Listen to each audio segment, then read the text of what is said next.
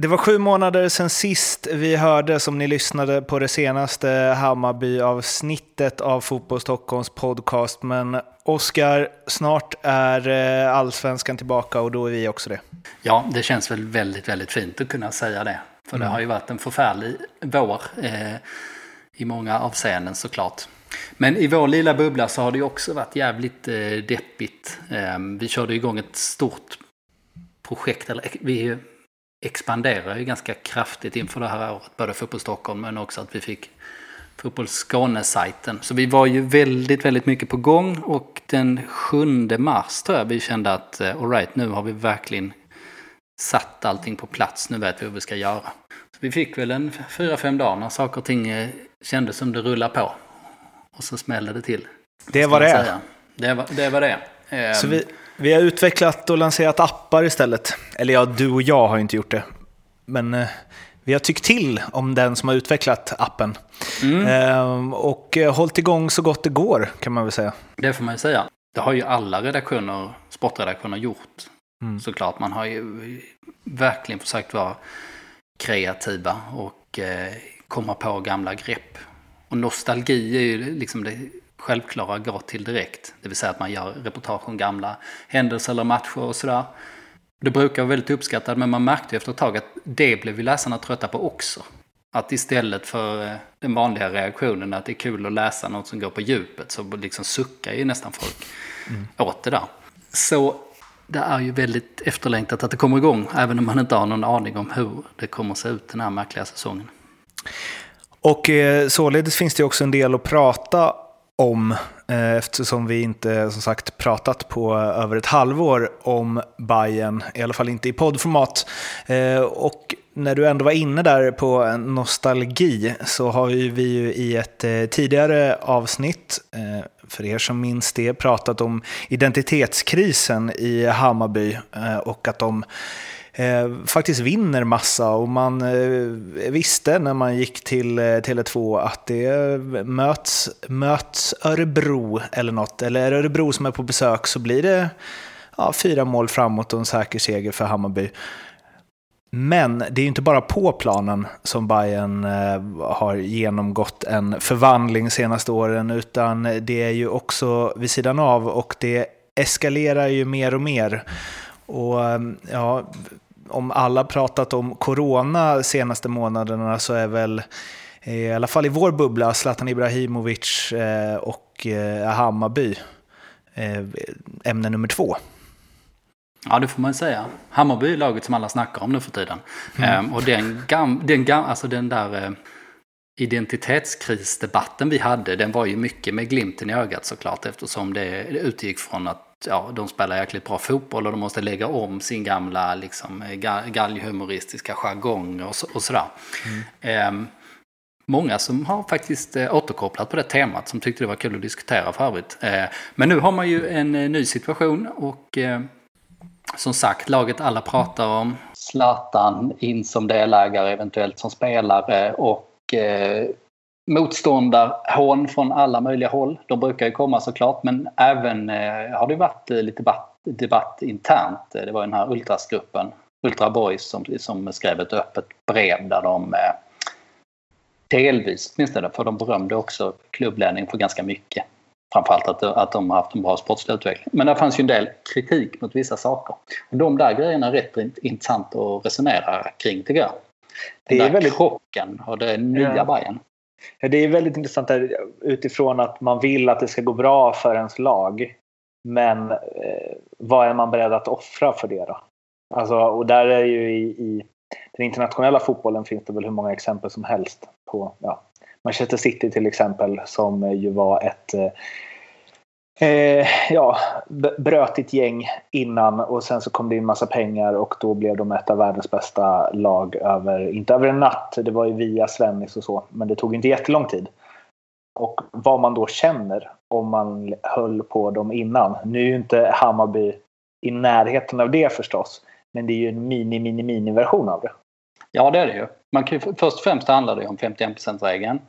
Och eh, om han har varit en varm förespråkare av den i många år, som du och jag har varit, så har man ju sannoliken fått vatten på sin kvarn på senare år. För det dyker upp så många eh, märkliga historier från alla möjliga länder. Och det är liksom inte bara det här lilla eller stora. Eh, för, för att det, det, det, är både, det är både och. Alltså det, dels att eh, eh, Eh, företag går in i dansk fotboll och eh, säljer ut de lagen så de blir liksom, där kan man ta, snacka om identitetskris och det gäller liksom eh, mellanlagen också. Sen kan det vara liksom att Red Bull vill gå in i Bröndby, ta över dem. Men sen kan det också liksom i större perspektiv där har, där har man gått hela varvet runt nu liksom när eh, Mohammed bin Salman köper Newcastle. Det går inte att toppa cynismen i det.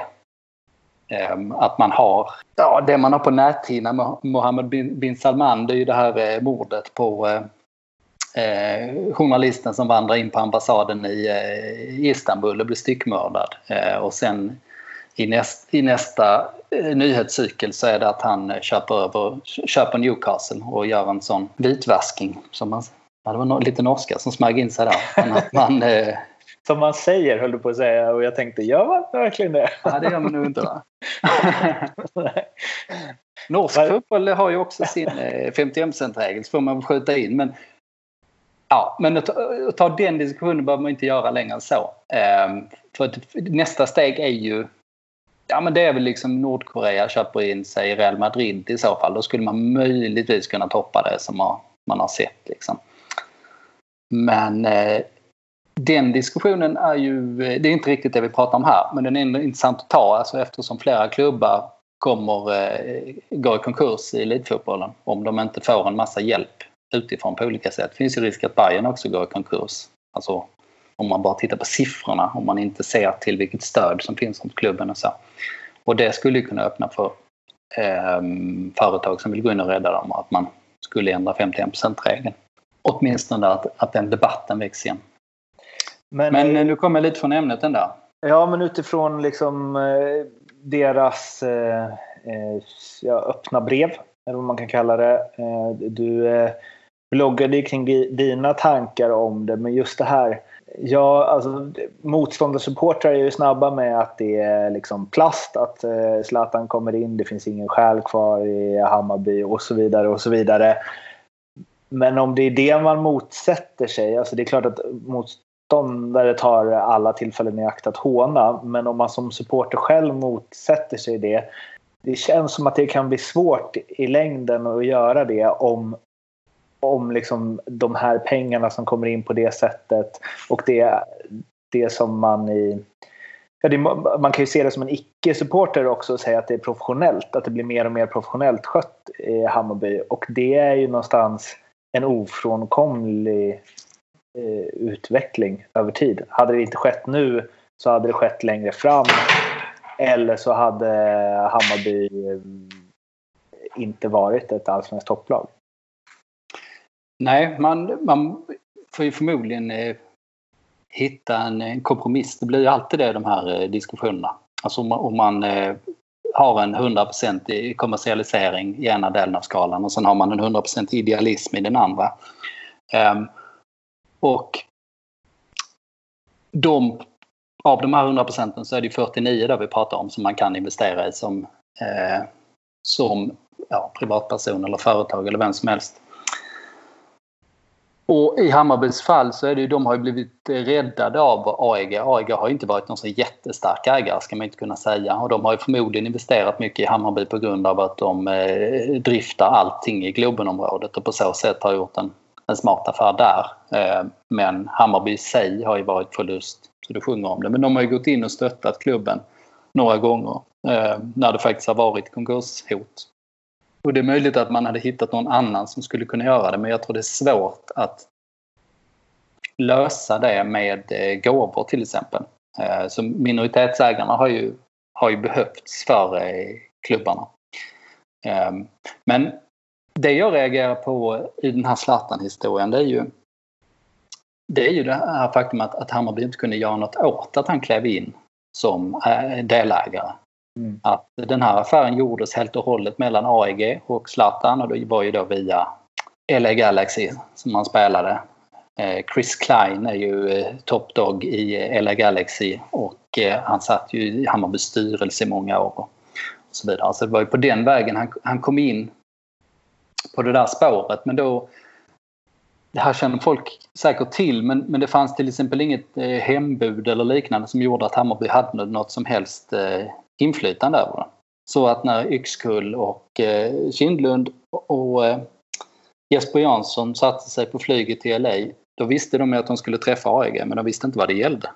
Och sen går, kliver de in i ett rum och då kommer Zlatan in. Som i en uh, Vitamin Well-reklam. ja. Och, ber och berättar att han har köpt eh, ja, en fjärdedel av klubb. Ja. Det, är, det är ju märkligt, det, må, det, måste man ju bara tycka. Och det, det kan ju inte de göra ett dugg åt. Varken sportchefen, ordföranden eller värden har, har ju någonting att säga till om där. Men eh, märkligt är det ju under alla omständigheter. Och fluga på väggen hade man velat vara. Mm. Jag hoppas att någon spelade in det här. Så att det kommer, kommer ut om... Eh, det, kanske är en del i en framtida Zlatan-dokumentär om man nu avslutar i Bayern där. Det skulle vara filmiskt i dessa last dance-tider. Verkligen. Det skulle kunna vara ett prank också. Att de tänkte att han bara prankade dem. Såklart. Ja, exakt. Det måste vi fråga om. Måste vi fråga Jeppe och Kinlund om. Trod, fanns det liksom en sekund så här, är det här på riktigt? Ja. det är också ett jävligt avancerat prank. Att flyga dem över Atlanten för. Ja, Men, ja. Hur, långt, hur, långt, kan man dra det där pranket? Kan man dra det så via pressmeddelandet? Och man spelar in en presskonferens? En, eh, en god vän som håller på Hammarby la upp en Instapost för ett par år sedan där han eh, skrev om liksom, ja, sin kärlek till klubben lite kortfattat. Så avslutade han med eh, Vi är en klubb som firar livet och därför är odödlig. Vi vinner jämt oavsett någon jävla tabell. Mm. Det är ju den identiteten vi pratade om tidigare. Som liksom alltid varit Hammarby. Kan man säga nu att liksom med utvecklingen både på sidan av och på planen att den där tabellen, kom, det kommer inte vara så oavsett den längre. Nej, så blir, så blir det ju såklart. Eh, men det var ju lite det vi pratade om tidigare, att det där, det där kan man nog inte vara särskilt eh, besviken på. Eh, om man återgår till identitetsdiskussionen och det som Ultra Boys skrev. Det handlar ju en del om arenan också. Där tycker jag att de träffade fel. Ehm, för att den arenan är eh, väldigt bra på det stora hela och det är ju en stor del förklaring till varför Bayern har haft den utveckling som man haft. Hade man spelat kvar på Söderstadion så hade man inte varit ett topplag i Allsvenskan. Så, så lätt är det ju bara. Men det är möjligt att det finns några idealister där ute som skulle vilja ta bort allt det här. Alltså stoppa eh, minoritetsägare och eh, att man hade spelat kvar på Söderstadion fortsatt och, och så vidare. Att, att man verkligen hade kunna tänka sig en sån tillvaro. Men då hade man också fått acceptera att man spelat i Superettan till exempel. Mm. Ehm, och jag tror att det är ganska få ändå, för man minns hur stämningen var på Söderstadion under de där åren i Superettan och eh, under åren när man, framförallt året när man åkte ur Allsvenskan innan dess, då var det ju jävligt eh, otrevligt. Det var ju aggressivt och hetsigt som fan liksom och spelarna skulle konfronteras och ledarna skulle ut och be om ursäkt eh, liksom till Eh, ett gäng eh, vansinniga supportrar och de, eh, de dagarna tror jag är rätt svåra. Alltså, folk, folk kan säkert romantisera dem också på något sätt, apropå det här med galghumorn och sånt. Men eh, jag tror inte så många hade föredragit den tillvaron ändå. Så i den här liksom kompromissvärlden så tycker jag att Hammarby ligger ganska rätt. Eh, åtminstone på det som de själva kan eh, påverka. Där, men den här kampanjen som kommer nu, Vi ses snart igen, den kommer ju med en jävla timing får man ju säga med tanke på då, om det är liksom plast och jippo och Zlatan-debatt plötsligt. Mm. Då kom Weeping Willows Magnus som den liksom eh, icke-jippo han är. Ja, precis. Där har de, ju, de har ju träffat otroligt rätt. Alltså dels med Magnus Carlsson som ja, det är ju ur Bayern och alltid varit sån person som alla gillar också. Mm. Och sen hittade de ju, eh, åtminstone för mig, en ny förmåga. Det var han ju inte alls. Han var ju tydligen rätt eh, eh, framgångsrik som folkmusiker och sånt där. Ja, men jag är team du där. Jag blev tvungen att googla. Ja, jag med. Ja. Men eh, man följer för hans utseende på en halv sekund. ja, verkligen. Alltså, man, så, I den där sången, de, de nämner inte Bayern eller Hammarby i texten. Eh, samma sak som med Just idag är jag stark. Ja, det är ju ingen Hammarby-låt från början heller. Men samma poäng där. Men bara titta på honom. Han hade ju inte behövt gå eh, över, eh, över bron där till Gullmarsplan. Utan det räcker ju bara att titta på honom så vet man vilket lag han håller på. Men en grej om de som är väldigt så romantiska kring eh, med Söderstadion och den tiden som var där och så. Alltså, jag förstår verkligen det och jag kan känna det själv och jag är liksom supernostalgisk i, i livet eh, generellt. Men det blir ju någonstans om man hade kunnat radera ut liksom minnen och känslor som är förknippade med det. Och sen så låter man en person gå på eh, Söderstadion och se en match på det sättet som det var då och så bra som Bayern var då. Och sen får samma person gå på Tele2 och se en match med Bayern som Bayern är nu. Så hade ju den personen förutsatt att den eh, gillar eh, Hammarby eh, klart valt det andra. Alla i veckan eftersom det är bättre på alla sätt om man inte väger in mm, någon form av nostalgi i det. Så är det ju. Å andra sidan är ju nostalgin är ju alltid stark inom fotbollen. Och jo, jo, såklart. Men, jo, men jag är med dig. Jag är med dig. Ja, och det blir ju någonstans hur, hur länge ska du dra det i sådana fall? Alltså, det kommer ju, nostalgin kring Söderstadion kommer ju vara ännu starkare om 20 år. Framförallt om Bayern har liksom raddat upp SM-guld och tagit sig in i Champions League och så då. De som var med när det var liksom Sparven stod och skrek på Tony. De kommer ju romantisera det bara helvete. Ja, men det gör man ju redan. ja.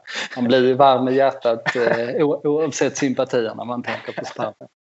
Eh, nej, visst är det så. Sen dessutom ska man ju komma ihåg att man spelar inte på, har inte spelat på Söderstaden i alla tider. Det var väl ja, 67 eller någonting som man började spela där. Så som flytt betraktat är det ju jättebra om man jämför med eh, Stockholmskonkurrenterna i vart fall. Eh, Djurgården som inte hör, spelar där eh, de borde spela i supportarnas ögon och eh, AIK som fortsatt har eh, Ja, det, det gör ju ont för dem fortfarande att Råsunda inte finns. Eh, och det är klart att Hammarby, eller Hammar, att Hammarby-supporterna känner samma sak för Söderstadion men jag tror många har liksom ändå tycker att det här blev en bra flytt. Liksom. Man ser alla uppgraderingar. Men, men Råsunda till Friends Arena är ju inte är ju inte bättre fortsatt. Eh, det är liksom eh, faciliteterna och sånt där är bättre om man har bättre möjlighet att ta emot företag men det är liksom inte dag och natt på den fronten heller. Och för de här tre miljarderna skulle man kunna rusta upp Råsunda eh, jävligt mycket. Det hade man aldrig kunnat göra med Söderstadion till exempel. Det mest men, negativa med Tele2 är väl konstgräset egentligen. Om man, man nu precis. inte kan switcha det till hybridgräs. Mm, och det verkar ju svårt också för att eh, solen kommer inte ner. Eh, så det, den är liksom byggd på ett sätt så det är svårt att hitta eh, hybriden så att den kan växa på stora delar av planen. Så den kommer ju bli eh, lurig. Jag tror mer att Hammarby får hoppas på att liksom konstgräset blir eh, bättre efterhand. Det är intressant det där att man inte... Det, det, det, en känsla hos mig säger bara att det är många sådana här liksom 100 miljoners projekt där det glömts att tänka på ganska väsentliga delar. Friends var ju liksom, där glömde man ju ganska många delar innan mm. de ställde det till rätta. Men man glömde här... till exempel att skattebetalarna inte ska behöva ta notan i slutändan. ja, det också. Men just att här, om man ska spela fotboll där så kanske det ändå någon gång kommer vara bra om man kan lägga gräs och då är det bra om det kommer ner sol. Men jag vet inte. Det ska väl liksom vara anpassat till Rolling Stones och så vidare också förstås. Precis, men det, men, tyck, men det borde man hitta en lösning på. En kul grej i samband med den här eh, eh, debatten och eh, den efterföljande kampanjen var att eh, man hade ett, eh, Hammarby hade ett eh, ja, någon slags supportermöte inför man skulle lansera den här kampanjen. Som ju har fallit ut eh, eller fallet i väldigt god jord får man ju säga. Men då var det ju en supporter som eh, hade sagt, ja, typ, eh, ja men hoppas han inte Zlatan är med i den här kampanjen i alla fall. Eh, och... Eh, det var han lite ju. Ja, vad han är. Ja, eller i alla fall hans, hans twittrande var ju det. Var det? ja, han slängde ut en tweet det första han gjorde. Att vi ses ja. på plan. Ja, just det. Han, han hijackade faktiskt lite den kampanjen. ja. Det tänkte jag inte på. Eh, för Hammarby svarade i alla fall på den kommentaren. Ja, men vi ska nog se om vi kan trycka in honom ändå. Liksom. Alltså, de eh, skämtar lite om det. Och den här kampanjen innan Zlatan hijackade den då. Med vi ses-tweeten som jag hade glömt bort. Då var det ju jävligt långt ifrån eh, Zlatan såklart. Det var ju, eh, ja, det var ju verkligen den här genuiniteten och eh, gamla Bajen som det handlar om.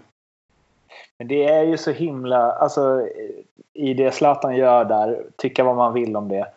Men att han bara skriver så, vi ses på plan, vips så toppar Bayerns eh, kampanj alla, all relevant media. Mm. Otroligt. ja, nej, ja, nej, den genomslagskraften han har är ju, det går inte att jämföra med någon eller något eh, såklart i landet. Ehm, och då pratar man ju liksom ren kommersiell kraft men eh, den är inte så dum att ha med sig trots allt. Sen är det ju Zlatan vi pratar om och med hans historia av olika klubbar och relationer och företag och allt vad det är så slutar det mesta i konflikt eh, på ett eller annat sätt. Så vart det tar vägen i längden kan man ju... Ja, det vet ju absolut ingen. Knappt Zlatan tror jag. Nej, det, jag, inte, jag vet inte om han vet själv riktigt vad han gav sig in på. Um, vad han, för han, han, han bara hanterar nu. Ja, exakt. Men han har ju inte särskilt mycket inflytande att prata om. Det är en styrelseplats, eh, det är en fjärdedel av aktier i bolaget som styr eh, A-lagen. Och eh, han pratar till exempel mycket om att han är engagerad i ungdomsfotbollen om man ska utveckla eh, unga tjejer och killar och så vidare. Men det har han egentligen inte ens med att göra i, i ett styrelseperspektiv ens. Utan det ligger ju i föreningen som han inte har något med att göra. Så hans formella makt är ju, är ju eh, begränsad, verkligen. Men Zlatan är Zlatan. Ska vi prata lite mer om Zlatan eller? Ja, jag vet inte om vi ska trötta ut alla med just eh, Zlatan. Det finns en, trö en trötthet i det men, det, men det är ju jävligt intressant. Ja, jag har ju en tvärtom-spaning här. Då eh, går vi över till att eh, prata om den och Zlatan då. Innan din tvärtom-spaning Oskar. Eh, så vill jag bara liksom lägga ut lite känslor kring Zlatan eftersom ja, det gör ju alla och jag vill också göra det. eh, Tur men... podda. Vad sa du? Ja, vilken jävla tur att du har en podd. ja, verkligen. Eh, annars hade man fått hålla till på Twitter som alla andra. Eh, nej, men eh, jag tycker att det här är liksom supersvårt. För någonstans, vi pratar om nostalgi liksom kring eh, Eh, ja men kring supporterskap och, och vad man ser tillbaka på och vad man får bra känslor av och så. Och det, det finns ju få saker oavsett att jag inte har några som helst känslor för Malmö FF som hade toppat för mig att se Zlatan vända hem till Malmö och göra en säsong i Allsvenskan som mycket väl hade kunnat sluta med att han vinner SM-guld. För att jag hade velat att sagan liksom knyts ihop så. Precis som att det var så nice att Totti spelade i Roma hela karriären och inte gjorde något år i Toronto, vad de nu heter. Eh, eller Montreal Impact. Men när han nu inte gör det så finns det ju ändå någonting otroligt fascinerande med att han går till en konkurrent och kanske till och med kommer spela för dem och då vet jag inte om jag tycker att det är ännu större att se Zlatan i Hammarby i Malmö. Mot Malmö. Mm. Det är inte lika fint men det kittlar ju precis lika mycket. Om inte mer alltså. Ja, faktiskt. För det hade... Det, det, ja. Att han slår in en straff där framför Malmöklacken. Där, alltså vad händer då? Mm. Vad gör han? Och så springer han fram till eh, VIP-läktaren och hyschar Marcus Rosenberg som sitter där på första raden. Ja. Nej, men det är ju... Jag vill inte att det ska ske och jag vill att det ska ske. Mm. Nej, men han är ju omöjlig att ignorera och omöjlig att inte förhålla sig till på något sätt. Och sen vet man aldrig hur man ska förhålla sig till. Eh, åtminstone jag har aldrig gjort det. Eh, jag har aldrig varit hata eller älska lägret som många påstår att man måste välja. Utan det där, det där, det där har pendlat fram och tillbaks. Eh, men det men... som finns i det är ju så här, det finns ingen, oavsett hur man säger att så här, det är bara jippo nu för tiden. Zlatan har blivit för mycket, det är liksom alla de här reklamerna hit och dit och han är det och det. Men om man tänker Hammarby ska möta Malmö i Malmö med Zlatan i uppställningen. Så om du gillar fotboll och gillar allsvenskan, att du skulle känna absolut noll inför det finns ju inte. Nej, det går inte. Jag läste en intervju nu i morse med Fredrik Hjerten eh, som är eh, en hyllad dokumentärfilmare. Mm. Bananas har han gjort bland annat. Och sen har, gjorde han ju de här blådårar-filmerna för eh, 20 år sedan. Det, ja, det är de här klassiska klippen på Zlatan. Han bara droppar one-liners så, eh, liksom, så det sjunger om det hela tiden. Eh, och han, han pratar om det i den här intervjun liksom att, att eh, Malmöborna har ju försvarat Zlatan i, i 20 år nu och lite till. Att de har, de har försvarat allt han har gjort, alltid. De har alltid varit lojal, lojala mot honom. Ehm, och det, det är liksom det sveket som är tyngst för eh, Malmöborna. Att man har liksom tagit fighten för Zlatan hela tiden eftersom han är en vattendelare i varenda fråga han ger sig in i på något sätt. Så eh, jag förstår ju verkligen eh, besvikelsen. Eh, och sådär och att han står och inviger sin staty utanför, utanför Leda stadion eh, samtidigt som han vet att han eh, kommer att bli delägare i, i Hammarby. Och så vidare. Men jag är också med dig helt på den andra delen att eh, det är klart det är jävligt kittlande eh, om man skulle spela och i slutändan, ja man kan ju prata om jippo och plast liksom, men det är liksom i slutändan så handlar det ju för Hammarby om att de ska få ihop ett så bra lag som möjligt och vinna så mycket som möjligt. Och då kan man ju inte ta in en bättre spelare än så. Och kring den eventuella situationen då, att han skulle möta Malmö i Malmö med Bayern. Även om alltså man kan tycka att vägen dit, att det blir så och så, är jippo och plast. Men den händelsen är ju liksom de roaste, råaste, renaste, skäraste känslorna som finns. Det finns ju inget plast över det. Nej, det gör inte det.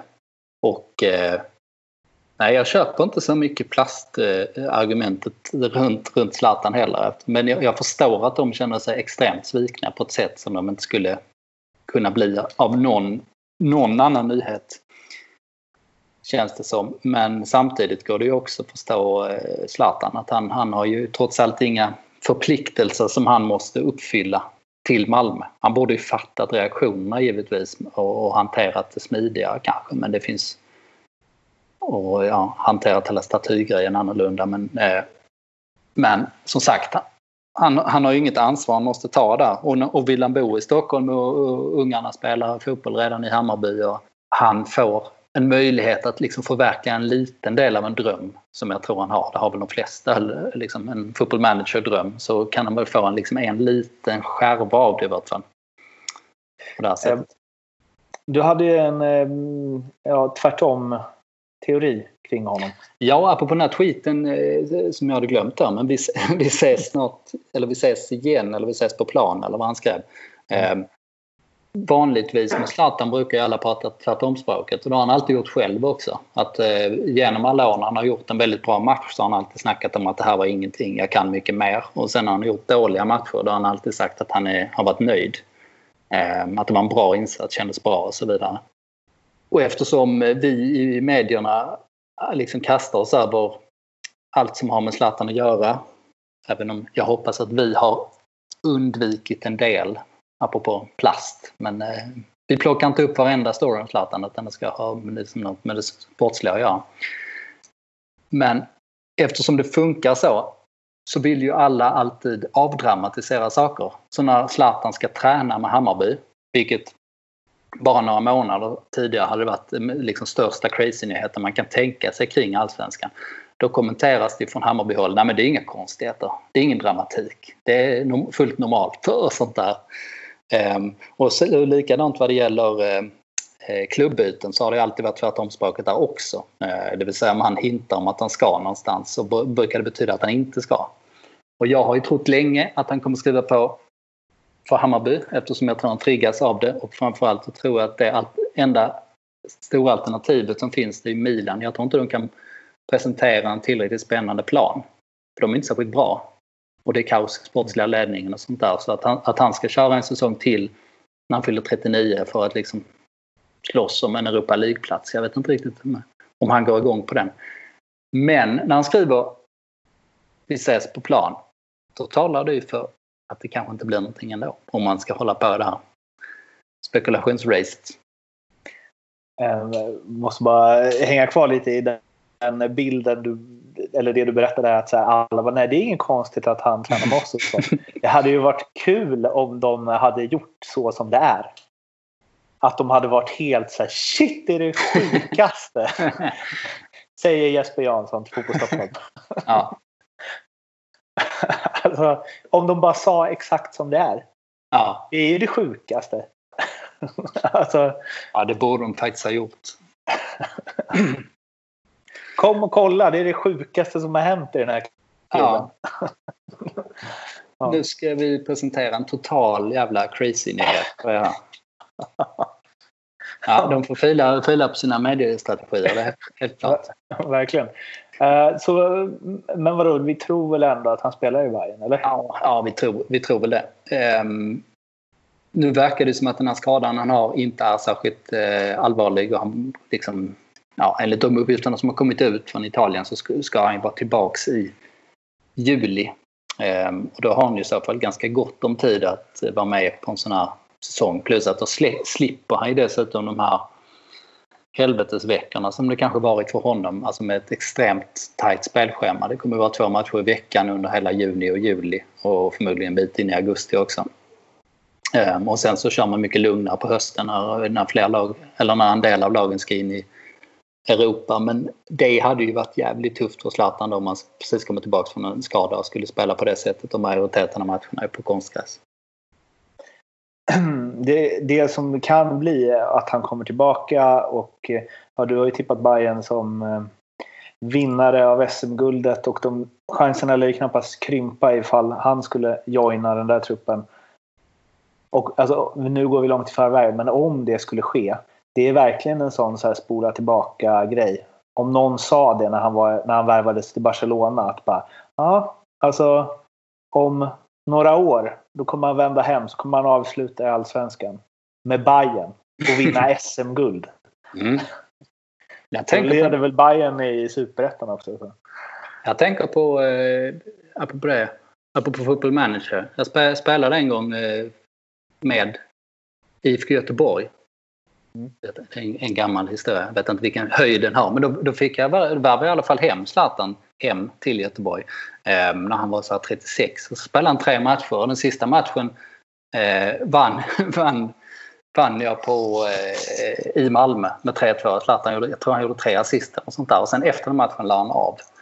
Det kändes... Eh, Det kändes fullständigt orealistiskt eh, på alla sätt och därför också fullt realistiskt på något sätt eftersom det var Zlatan. Det ger ju, eh, det ger ju en väldig liksom, kredibilitet till Football Managers databas om det nu skulle ske något liknande nu. Ja, att de var före sin tid. Exakt, och detta var ju säkert 15 år sedan jag spelade det där gamet. Eh, men om Zlatan nu skulle komma in då, det blir ju en, någon form av så här eh, ruckande på hela planeringen. Eh, som man förstås eh, väldigt gärna gör. Ja, fast det märkliga är att han kommer glida in jävligt... Vad ska man säga? Jo, han, han, kommer, han kommer passa in i laget på ett liksom nästan så eh, meant to be sätt. För att om man tittar på Hammarbys trupp så är det ju okej, okay, det är lite oklart på målvaktssidan men det behöver inte vara en uppenbar svaghet. Men så är det ju, hur ska de lösa nummer nio positionen? Nu vet man ju inte hur Aron Johansson sett ut på, under våren på träningarna men eh, han har inte visat någonting som är liksom, i närheten av hans kapacitet. Och det finns den här tvekan och eh, liksom den här instinkten som han har tappat då till följd av skadorna. Eh, så det är ett frågetecken. Ludvigsson, succéspelare i Superettan. Men man vet ju inte riktigt vad han håller. Kalili är inte riktigt toppklass längre. Även om han kan vikariera som, som nia. Och sen de andra är kanske inte riktigt den, de typerna som man sätter som spets. Man sätter inte Paulinho där till exempel. Um, ja, så det är det frågetecknet de har. Och då kan man ju stoppa in en av världens bästa nummer nio där. Ehm, en boxspelare, det är, liksom, det är det de behöver. De behöver en, en targetspelare, en avslutare, en boxspelare och som också liksom klarar av att kombinera så som Hammarby gör med snabb, snabba fötter runt om sig. Liksom, det, det är idealspelaren som de skulle kunna ha. Och då finns det inte många i världen som är bättre, är bättre än Zlatan på det. När du skrev om det där så eh, fick du väl lite mothugg på Twitter från folk som jag, vilket allsvenskt lag hade han inte passat in i? Ja, det är ju en, en legitim poäng får man säga. Eh, men eh, ändå, du fattar mitt resonemang där. Ja. Liksom. Det, det finns grader i helvetet fast ja, tvärtom. ja, men att det skulle vara exakt det de behöver som får dem liksom en, den perfekta profilen som dessutom är dubbelt så bra som en sån spelare borde vara som man skulle kunna värva. Eh, dessutom kommer han ju spela gratis om han spelar. Eh, jag kan inte tänka mig någonting annat med tanke på att ja, det är en del av hans investering också och Hammarby har ju supertufft år. Eh, det kommer vi till lite det höga spelet och hur det kan straffa sig ekonomiskt. Men, eh, så, så, och på så sätt rubbar det inte den planeringen heller. Eh, dessutom är det ju förmodligen, ja, det är väl en säsong, där får man väl räkna med att han spelar. Det hade ju varit kanske lite mastigt att köra ett år till när han fyller 40. Men, men, men. Ska vi gå till det höga ekonomiska spelet då? Tycker jag. I dessa tider av corona och allt vad det innebär och trots att man har lyckade kampanjer eh, likt eh, Vi ses snart igen så är det klart att alla klubbar drabbas hårt ekonomiskt. Hammarby är ju en av dem. De har ju verkligen satsat också under Jesper Jansson. Det har inte hållit sig pengar allt för mycket och det är ju mm, en klubb som har eh, stora intäkter från publiken som ju eh, nu uteblir Om man tänker att de också skulle varit framgångsrika den här säsongen och kunna ta hype direkt så hade det ganska många biljetter som hade kunnat sålt som inte säljs nu. Eh, och det är klart att det blir risky över tid. Ja, det är inte bara risky utan de kommer ju åka på en jättesmäll såklart. Kommer ju, kommer ju tappa minst eh, ja, 50 miljoner i intäkter kan man nog räkna med. Kan, kan bli mer än så beroende på när och om man kan släppa på publik och i vilken utsträckning. Och den är ju eh, tuff och det kommer betyda att de kommer ha negativt eget kapital vid slutet av året och då kommer elitlicensen vara hotad och då finns det ett konkurshot och så vidare. Det är ju det, är det vi snackar om trots allt. Eh, sen så kommer det säkert bli undantag för elitlicensen att man, eh, ja, man gör det till ett undantagsår. Ehm, och sen så finns det ju alltid folk som vill stötta Bayern särskilt nu. Nu, nu är det inte bara de här liksom, eh, idealisterna med Hammarbyhjärta vi pratar om utan nu är det många som kan försöka se liksom ett kommersiellt värde på ett eller annat sätt. Men är det inte det som gör att, eller jag tror att jag tänker att så här, det är klart det kommer lösa sig. Det är ju Hammarby. Det är så mm. många som bryr sig. Mm. Och det är ett jävligt eh, oansvarigt sätt att resonera. Men det stämmer. Det stämmer. Ja. Eh, för det kommer ju lösa sig. Även om det kommer vara liksom... Det, det, finns ju inte att Hammarby ska gå i konkurs. Nej, det var som när jag gick på högstadiet och inte orkade plugga till eh, något prov. Mm. Och då, då uppfann jag en regel i mitt eget huvud. Eller jag motiverade mig. Jag ställde frågan så här, men, men kommer jag få, liksom, få ett bättre jobb eller liksom, tjäna mer pengar eller sånt om jag får bra på det här eh, provet? Och så kom jag fram till, nej, det tror jag inte. Och då, och då behövde jag ju inte plugga liksom. Det var ju ett Nej. jävligt oansvarigt sätt att resonera, men jag hade ju rätt. Framför, framförallt om det är på alla prov. Ja, exakt. det var nog bara de jag verkligen tyckte eh, mest illa om. Eller när jag var trött eller någonting. Ja. Ja, nej, men det är klart man inte ska resonera så. Framförallt inte om man har ansvar för ekonomin i Hammarby. Men eh, hur ska man resonera då? Ja, nej, de, de resonerar ju så som alla andra såklart. Att de bara försöker få ihop ekonomin på olika sätt. Men man måste också fort, fortsätta prestera. För det är ju det, är det det går ut på. Och det är det som gör att man har en, en ekonomi som funkar på, ja, långsiktigt. Men man kan i alla fall säga så här att sen Jesper Jansson kom in så har han spelat ett jävligt högt spel. Alltså han har ju gått över budget vid ett antal transferfönster. Man har eh, lagt väldigt stora pengar på att förlänga, skrivit långa kontrakt med eh, nyckelspelare och sådär. Och man har ju pumpat in, eh, man har ju fått in en jävla massa kvalitet och det har kostat och man har höjt lönekostnaderna extremt mycket. Eller mycket i varje fall. Mm. Och eh, den strategin är ju den bästa förutsatt att man gör det smart. Alltså att man lägger sina pusselbitar rätt. Det vill säga att man, om man gör stora investeringar så kommer man i slutändan eh, vinna ännu mer på det. Och det har ju eh, Jansson och eh, de andra runt honom verkligen visat att de kan. Men nu till den här säsongen så har de ju spänt bågen som fan. Att detta är året, nu är de framme. Nu har de byggt klart. Nu står de på sin topp. Ehm, det går ju ofta i det tar ju ofta ett antal transferfönster att bygga om och nu, nu är de där. Det var ju i år det skulle smälla helt enkelt. Men de har ju också inga marginaler att tala om. Så att allting byggde ju på att det skulle gå bra i år och att de då har så mycket kvalitet så att liksom marknadsvärdet skulle bli högt på spelarna och så vidare. Och jag tror att det hade varit rätt strategi. Jag är till och med övertygad om det eftersom de har gjort så mycket rätt och Hammarby har haft sån jäkla medvind. Men nu blir det en jäkla baksmälla helt enkelt eftersom man spände bågen så hårt. Eh, ja, det är oerhört svårt att förutse också förstås.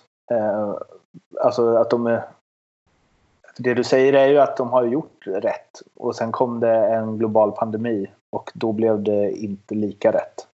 Nej, exakt. Men samtidigt kan man ju säga så att man ska ju ha en viss buffert för oförutsägbara händelser.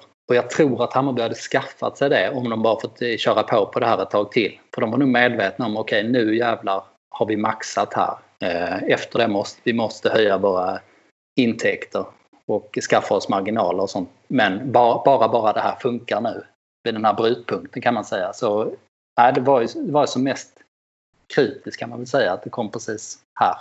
Ett litet sidospår i oförutsedda händelser. Jag, eh, jag har ju förutom det här drivit eh, produktionsbolag också och det lärde jag mig ganska fort när jag började göra det att när man skickar offerter så lägger man på eh, typ 10% för oförutsedda händelser. Eh, vilket ju, ibland kan det bli summor som man tänker så här. Vad ska det egentligen vara för händelse som motiverar den här summan? Eh, och den oförutsedda händelsesumman för eh, liksom pandemi är ju hög. Det får man ju säga. alltså, man hade säkert kunnat buffra upp för det här från Hammarbys håll. Eh, men de hade ändå suttit rejält i skiten ju. Ja, visst är det så. Även om de hade varit mer, jag vet inte vad man ska kalla det, ansvarstagande. Eller inte satsat lika mycket på ett kort. Liksom. Nej, så är det. Ehm, och eh, Hammarby kommer drabbas hårt, eh, framförallt om man, om man jämför med storklubbarna. Men om man tittar på de mindre klubbarna så är det ju liksom, ja men alla de kommer ju vara i risk att kursa också. Östersund kommer ju kursa tio gånger den här säsongen. De är ju dödsdömda eh, på alla sätt. Vilket är märkligt också för dem. Jag, jag tror att de kommer kursa och sen så måste man eh, annullera, annullera alla deras resultat. Vilket är också en, en udda grej eh, under en märklig säsong. Kommer det bli massa spelare lediga då också? Alldeles säkert. Som jag ju... tror det blir uh, ungefär som med Tyresö, uh, deras damer. För för ett gäng år sedan. De byggde ju... Just det. Tony ja, de Gustafsson? Ja, de byggde ju uh, världens bästa lag i stort sett. De var ju Nej, de förlorade väl Champions League-finalen tror jag. Sen så någon eh, par veckor efter det så kursade allting och alla spelarna. Alla, alla resultat annullerades från den serien och eh, massa världsklasspelare var utan lag helt plötsligt. Så, kanske, kanske kommer sitta här om par månader och spekulera i vilka Östersundsspelare som hamnar i Stockholmsklubbarna. Mm, det är inte alls omöjligt att det skulle, skulle bli så. Du, eh, är vi klara med det första Hammarby-avsnittet för säsongen? Ja, men jag tycker väl det. Eh, vi kan väl avsluta med att det där guldtipset som jag har haft sedan februari när jag skrev en, en krönika om det där. Som du håller fast vid? Ja, som jag, att jag står fast vid det. Det byggde ju en hel del på att vid det läget var Hammarby, apropå att de var klara, de såg ju hur bra ut som helst i kuppen. Alltså, de fick inte riktigt till det men var ändå totalt överlägsna. Eh, klara, för, klara för säsongen. De gjorde ju 11-1 på tre matcher där i, i kuppen och eh, inget av eh, konkurrentlagen imponerade alls eller såg färdiga ut. Så jag trodde liksom att Hammarby skulle rusa in i säsongen och att de andra skulle komma ikapp. Men jag tycker fortsatt att det ser så pass eh, stabilt ut och jag tror ju att Zlatan skriver på. Så Bayern är fortsatt mina favoriter. Jag måste bara fråga en snabb grej. Tappar de någonting på att... För det kan ju vara mind, mer eller mindre bra ur en sportslig aspekt för klubbarna att eh, säsongen sköts framåt ett par månader. Var det mer eller mindre bra eller varken eller för Bayern? Ja, först tänkte jag att det var eh, dåligt och det tror jag nog är den största analysen. Om man jämför med de andra så tror jag Hammarby tappade lite på det. Å andra sidan, en sån som Simon Sandberg var ju faktiskt skadad fram till nyligen. Och eh, han är ju en av deras viktigaste spelare. Där har de liksom ingen självklar backup. Så den hade ju å andra sidan varit ganska tuff. Nu är han tillbaks. Så, men är du, är du enig i tipsmässiga termer? Jag eh, tippade ju det här för tre dagar sedan. Och jag har glömt vad jag tippade. men ja, det var länge sedan. ja, men jag tror att jag tippade... Ja, det var ju någon fråga i något sammanhang. Det var det Hammarby eller Malmö, vilka som vinner guld. Men då, men då sa jag ju Hammarby. Gjorde jag. Mm. Ja, det är betryggande tror... att du kommer ihåg ditt tips tre dagar sedan. Ja, men man, det är ju mest att så här, jag kunde gå på vad jag känner nu, men jag vill ju säga samma saker också. För det beror ju lite på när man får frågan och så. Men jo, jag tror nog jag tror att Hammarby vinner guld. Mm. Så är det med det. Yes. Ja, um, vi hörs eh, snart igen. Matcher spelas ju inom kort. Och eh, vill ni tycka till om det här avsnittet så är det bara att höra av er på Twitter är vi väl eh, snabbast på men eh, Instagram och Facebook funkar det också. Tills nästa gång, ha det så fint. Hej då! Hej då!